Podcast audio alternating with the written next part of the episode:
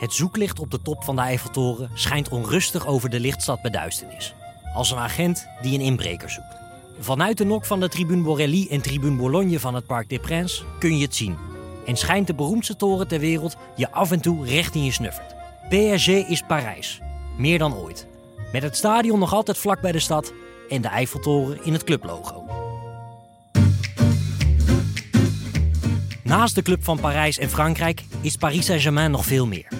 Wie zich na een wedstrijd in de fanshop van de club durft te begeven, wordt overlopen door toeristen uit alle windstreken. Alle talen van de wereld klinken. Chinees, plat Amerikaans, luid Arabisch. Zelfs in een land waar men ziek van verliefdheid op de eigen taal is, speelt het Frans in dit deel van de stad een tweede viool. PSG is een internationaal merk geworden, beroemd in alle uithoeken van de wereld. Toch had het niet veel geschild of buiten Frankrijk hadden we nooit iets van Paris Saint-Germain vernomen. Want een serieuze voetbalclub in wereldstad Parijs, dat lag minder voor de hand dan je wellicht denkt.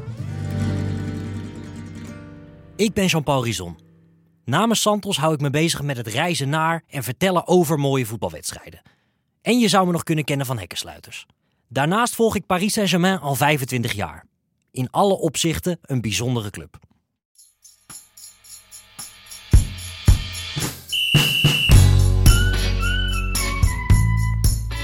Je luistert naar VV het voetbalverhaal. In deze serie neemt een topteam van vertellers je mee in de wonderlijke wereld van het voetbal. Die is namelijk groter dan de eindeloze stroom aan roddels, relletjes en primeurs. Met deze week een verhaal van Jean-Paul Rison, die in een jaar meer wedstrijden bezoekt dan de gemiddelde voetbalfan in een heel leven doet. Tijdens die reizen stuit hij vaak op bijzondere verhalen. Ik ken Jean-Paul al jaren en heb één ding nooit begrepen: zijn liefde voor Paris Saint-Germain. Een club die voor veel mensen staat voor alles wat voetbal lelijk maakt. In dit verhaal legt hij op prachtige wijze de ontstaansgeschiedenis van die club uit. Want ook een eliteclub heeft zo zijn charme.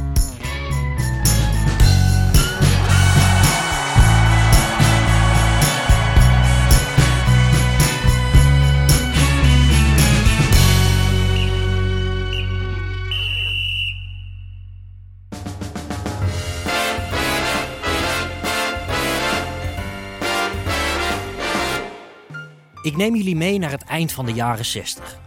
Het is een tijd die generaties later nog altijd tot de verbeelding spreekt. Het Parijs van de jaren 60 vult nog altijd als een soort romantische gedachte ons beeld dat we in het buitenland hebben van de stad. Als een sprookje waarvan we weten dat het niet meer bestaat. Als het ooit al heeft bestaan. Maar we blijven stug doen alsof in Parijs de tijd nog altijd een beetje stilstaat. Maar eerlijk is eerlijk, er is ook genoeg om bij weg te zwijmelen. Het zijn de hoogtijdagen van het Franse chanson, de Franse film en de kunst. Parijs heeft een internationale aantrekkingskracht waar vrijwel geen andere stad aan kan tippen. Muzikanten als Serge Gainsbourg, Dalida en Charles Aznavour zijn beroemd over de hele wereld. Mannen als Alain Delon en Jean-Paul Belmondo zijn internationale supersterren op het witte doek. En dan nog de mode. Parijs is de stad van Yves Saint Laurent, Hubert de Givenchy en Coco Chanel. In de lichtstad gebeurt het, op alle fronten. Nou ja, behalve op één front dan. De stad heeft geen voetbalclub die bij de grandeur van Parijs past. Stade Français is gedegradeerd. Racing Club de Paris is gedegradeerd en zelfs gefuseerd en verhuisd naar Sedan. Red Star speelt nog wel op het hoogste niveau, maar bungelt onderin. En speelt tenslotte in voorstad Saint-Ouen. Officieel geen Parijs. Is er naast de muziek, het theater, de kunst en de mode dan geen plek voor voetbal in Parijs? Zeker wel.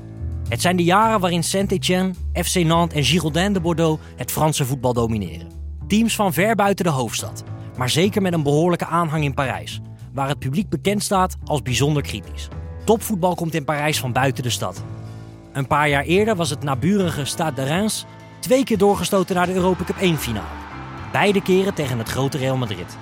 Reims dat, bij gebrek aan een serieuze achterban in eigen stad, haar Europese affiches notabene in Parijs speelde waar het wel kon rekenen op hoge toeschouwersaantallen. Maar waar andere Europese hoofdsteden als Londen en Madrid door grote clubs vertegenwoordigd worden, is er van een echte topclub in Parijs geen sprake.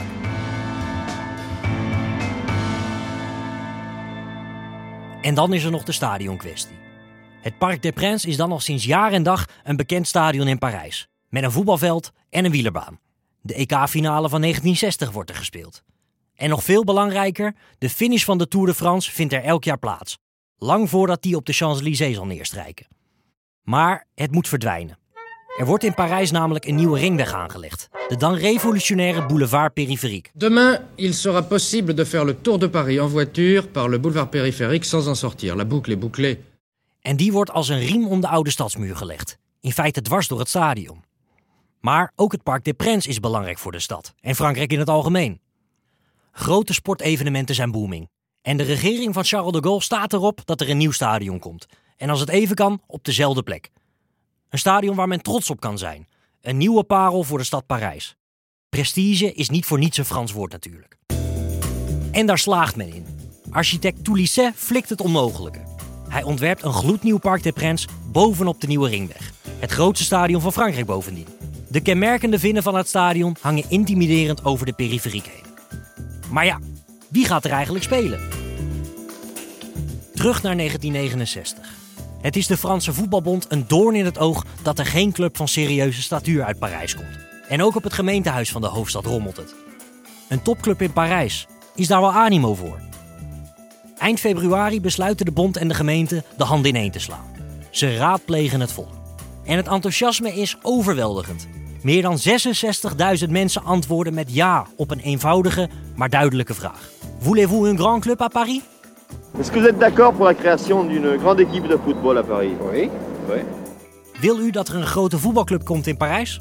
Ze hadden het eigenlijk op geen beter moment kunnen vragen. Enkele dagen eerder is namelijk bekend geworden dat er binnen een paar weken een belangrijke beslissingswedstrijd in de Europa Cup 1 gespeeld wordt. Plaats van handeling: Colombe, in de banlieue van Parijs. Ajax tegen Benfica. Cruyff tegen Eusebio. Dani Jansson. Compleet gemist, de kans van Cruijff. Oh, la la! Hij zit erin! Ik dacht iemand slaat een corner, wel nee. Een schot van Johan Cruijff. In de tweede Het zal uitgroeien tot een legendarische wedstrijd in de geschiedenis van Ajax. Maar ook in de harten van vele Franse voetbalfans.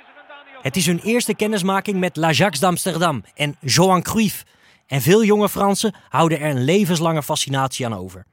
Zo'n topclub wil men in Parijs ook wel. En dus wordt er in de zomer een club opgericht. De Paris Voetbalclub. Paris FC. Of althans, het eerste jaar is het min of meer een spookclub. Paris FC is opgericht, maar het heeft geen spelers, geen stadion, zelfs geen competitie waar het aan meedoet. Ben je dan eigenlijk wel een club? Het project lijkt begin 1970 dood te slaan als bier in een vet glas. Een van de twee leiders, Guy Cresson, reist door Europa om bij andere grote clubs inspiratie op te doen. Het is niemand minder dan Santiago Bernabeu, op dat moment voorzitter van het grote Real Madrid, die hem op het goede spoor zet.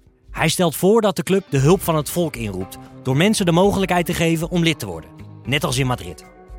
De Spanjaard spreekt woorden die profetisch zullen blijken. Reken nergens op, behalve op jezelf en op de liefde van de Parijzenaars. Begin net als wij helemaal onderaan. En op een dag zullen we elkaar tegenkomen op het hoogste niveau. Maar hoe mobiliseer je een stad voor een club die niet bestaat? Waar men nog niets bij voelt? Waarvoor de liefde nog niet met de paplepel ingegoten is? Een club die eigenlijk nog niets is. Er werd iets op bedacht. De partner van Guy Cresson is Pierre-Etienne Guyot. En die is dan weer dikke mik met de baas van Europe 1. Dan al een van de grootste radiozenders van het land. Vous êtes formidable. Pour vous en convaincre, Europe numéro 1 présente comme chaque mardi Vous êtes formidable. In het diepste geheim wordt er een speciale actie opgetuigd. De radioshow Vous êtes formidable is dan een begrip in Frankrijk. Een show waarbij de luisteraar actief wordt gevraagd om een bestaand probleem op te lossen. Mensen met een oplossing kunnen inbellen in de uitzending. Revolutionair voor die tijd. In dit geval wordt het een speciale uitzending, die veel verder reikt dan de radiostudio vlak bij de Champs-Élysées. Op meer dan 100 plekken in Parijs zijn busjes neergezet waar mensen zich aan kunnen melden als lid van de club. DJ Pierre Belmar richt zich met zijn warme, lage stem tot de luisteraars en roept ze op. Dit is jullie kans om bij te dragen aan een grote club voor de stad Parijs. Voetbal in Parijs gaat dood. Help ons om het nieuw leven in te blazen. Stelt u zich toch eens voor, mensen, dat er nooit meer gejuicht wordt in het Parc des Princes. Dat laten we toch niet gebeuren? En Belmar is niet alleen. Tal van beroemde artiesten doen mee en zijn aanwezig op de verschillende steunpunten. Zanger Enrico Macias verschijnt bij een van de aanmeldpunten. En half Parijs loopt uit om hem te zien. En zich dan ook maar gelijk aan te melden voor de club. Mireille Mathieu verschijnt zingend in een bar. En hup, we zijn weer 250 aanmeldingen verder. De actie blijkt een unaniem belachelijk groot succes. Aan het eind van de dag hebben bijna 20.000 Parisiens zichzelf aangesloten bij Paris FC. De maanden erna zoekt Paris FC een club in de hoogste afdeling om mee te fuseren, zodat de aspirant topclub gelijk op een goed niveau kan beginnen. Maar zonder succes. Het feit dat het Parc des Princes nog zeker tot 1972 gesloten is vanwege nieuwbouw schrikt veel clubs af. Men besluit wat minder hoog in te zetten.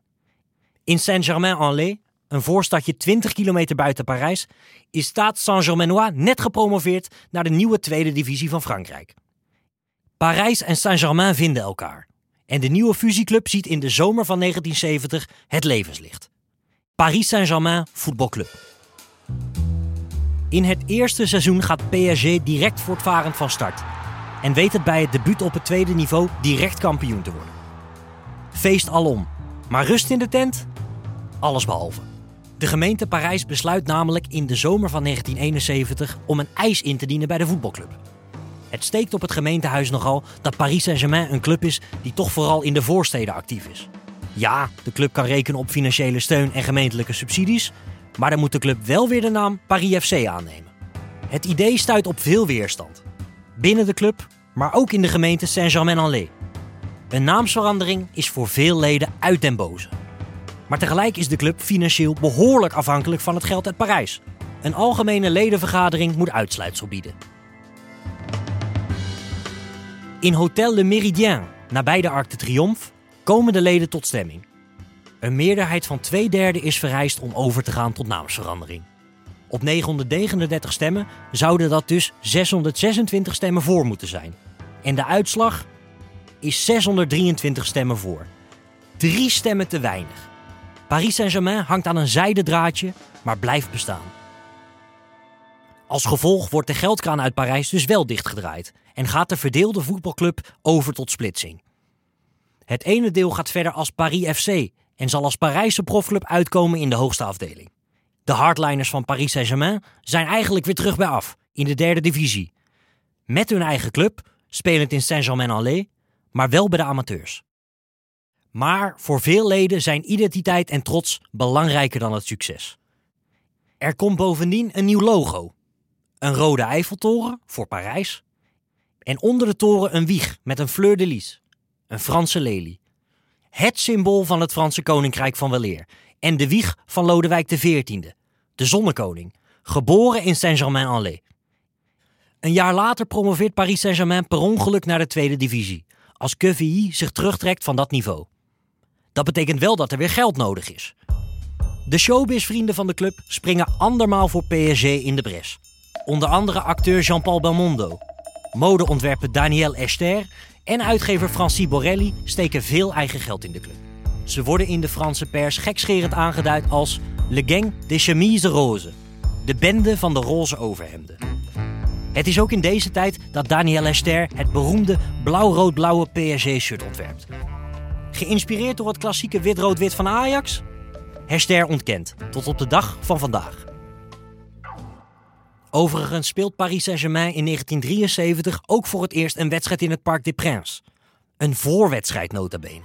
1973, le PSG dispute son premier match officiel dans ce qui va devenir son antre, le nouveau Parc des Princes. Heureux hasard, il s'agit d'un derby face au Red Star et Paris l'emportera 3 buts à 1, faisant ainsi honneur à son tout nouveau maillot rouge et bleu, dessiné par le nouveau patron du club. Eerst is het Paris Saint-Germain tegen Red Star. Daarna is het in de hoogste afdeling Paris FC tegen FC Sochaux. Paris Saint-Germain doet het in dat jaar goed in de tweede divisie. Na een zenuwslopende play-off tegen Valenciennes in het Parc des Princes weet PSG wederom te promoveren. Groot feest in Parijs. Trainer Just Fontaine, je weet wel, van die 13 goals op het WK van 1958, krijgt op de schouders van de fans zelfs een lichte hartaanval. Gelukkig komt het allemaal goed en gaat PSG met hem naar de Franse elite. Krijgen we dan een derby in Parijs tussen twee clubs uit dezelfde wieg? Nee. Alsof de duvel ermee speelt, degradeert juist dat jaar Paris FC uit de hoogste afdeling. Er wordt flink gevloekt op het gemeentehuis in Parijs. Ze zijn na vijf jaar weer terug bij af.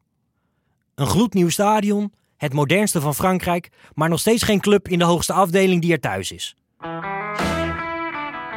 Ze doen een handreiking naar Paris Saint-Germain. De club die eerder nog de wacht aan werd gezegd, wordt nu de vaste bespeler van het Parc des Princes. Paris FC wordt verbannen naar het stadionnetje aan de Porte de Montreuil, aan de andere kant van de stad. In de jaren die volgen zal Paris Saint-Germain steeds meer de club van Parijs worden. Het degradeert niet meer en klimt langzaamaan in de hiërarchie van het Franse voetbal. In 1986 wordt het voor de eerste keer kampioen. En halverwege de jaren 90 is de club ook Europees een naam om rekening mee te houden. Toch blijft het bij PSG nooit rustig, met soms ook diepe dalen. Uiteindelijk zal het nog tot 2011 duren tot Paris Saint-Germain definitief de topclub van Frankrijk wordt. Niet geheel toevallig op het moment dat de oliesheiks uit Qatar miljarden in het project besluiten te pompen. Een van de eerste daden van de Qatarezen is overigens het aanpassen van het logo van de club. De naam Paris wordt groter gemaakt en de naam Saint-Germain verdwijnt. Anders dan 40 jaar eerder leidt het nauwelijks tot ophef.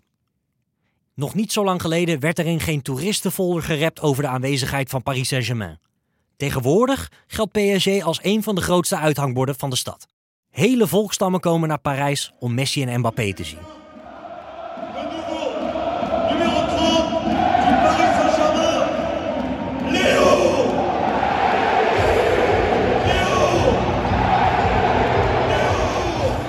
Onder het zoeklicht van de Eiffeltoren is dan eindelijk de topclub verrezen waar men eind jaren 60 zo van droomde. Santiago Bernabeu had gelijk. Begin onderaan en uiteindelijk treffen we elkaar op het hoogste niveau. Net als bij de Eiffeltoren. Als je op de top staat, kun je het Parc des Princes nog altijd zien liggen. Paris Saint-Germain mag met amper 50 jaar geschiedenis nog een vrij jonge club zijn. PSG zit vol met verhalen waar andere clubs 150 jaar over doen. Zo gaat dat als club van de sterren. Het ereterras van het Parc des Princes als verlengstuk van de Parijse showbiz. Bij thuiswedstrijden van PSG wordt al sinds jaar en dag de ene na de andere Franse beroemdheid in beeld genomen. Jean-Paul Belmondo was tot aan zijn dood vast aanwezig in het park. Patrick Bruel zit, als hij in het land is, standaard op de tribune. Voormalig president Nicolas Sarkozy zit, tenzij achter de tralies, praktisch bij de voorzitter op schoot. Voor de balans in het Elysée misschien maar beter dat Emmanuel Macron een uitgesproken fan van rivaal Marseille is. De successen van de laatste jaren hebben het gezelschap hooguit wat internationaler gemaakt. De plekken van Jean-Paul Belmondo en Patrick Bruel worden ingenomen door mensen als de Kardashians, Mick Jagger en Leonardo DiCaprio. Zien en gezien worden. Op het ereterras van het Parc des Princes ontmoet de elite elkaar. Daarnaast is PSG, mede door de snelle groei van de Parijse banlieue, toch ook steeds meer de trots van heel Parijs geworden. PSG, het poenerige imago en de aantrekkingskracht op de sterren verwijten is verleidelijk. Maar het heeft geen zin. Het is eigenlijk vanaf dag 1 nooit anders geweest. Sterker nog, zonder de sterren hadden we nooit van de club gehoord. Neemt u het de Parisiens vooral niet kwalijk. Ze weten niet beter.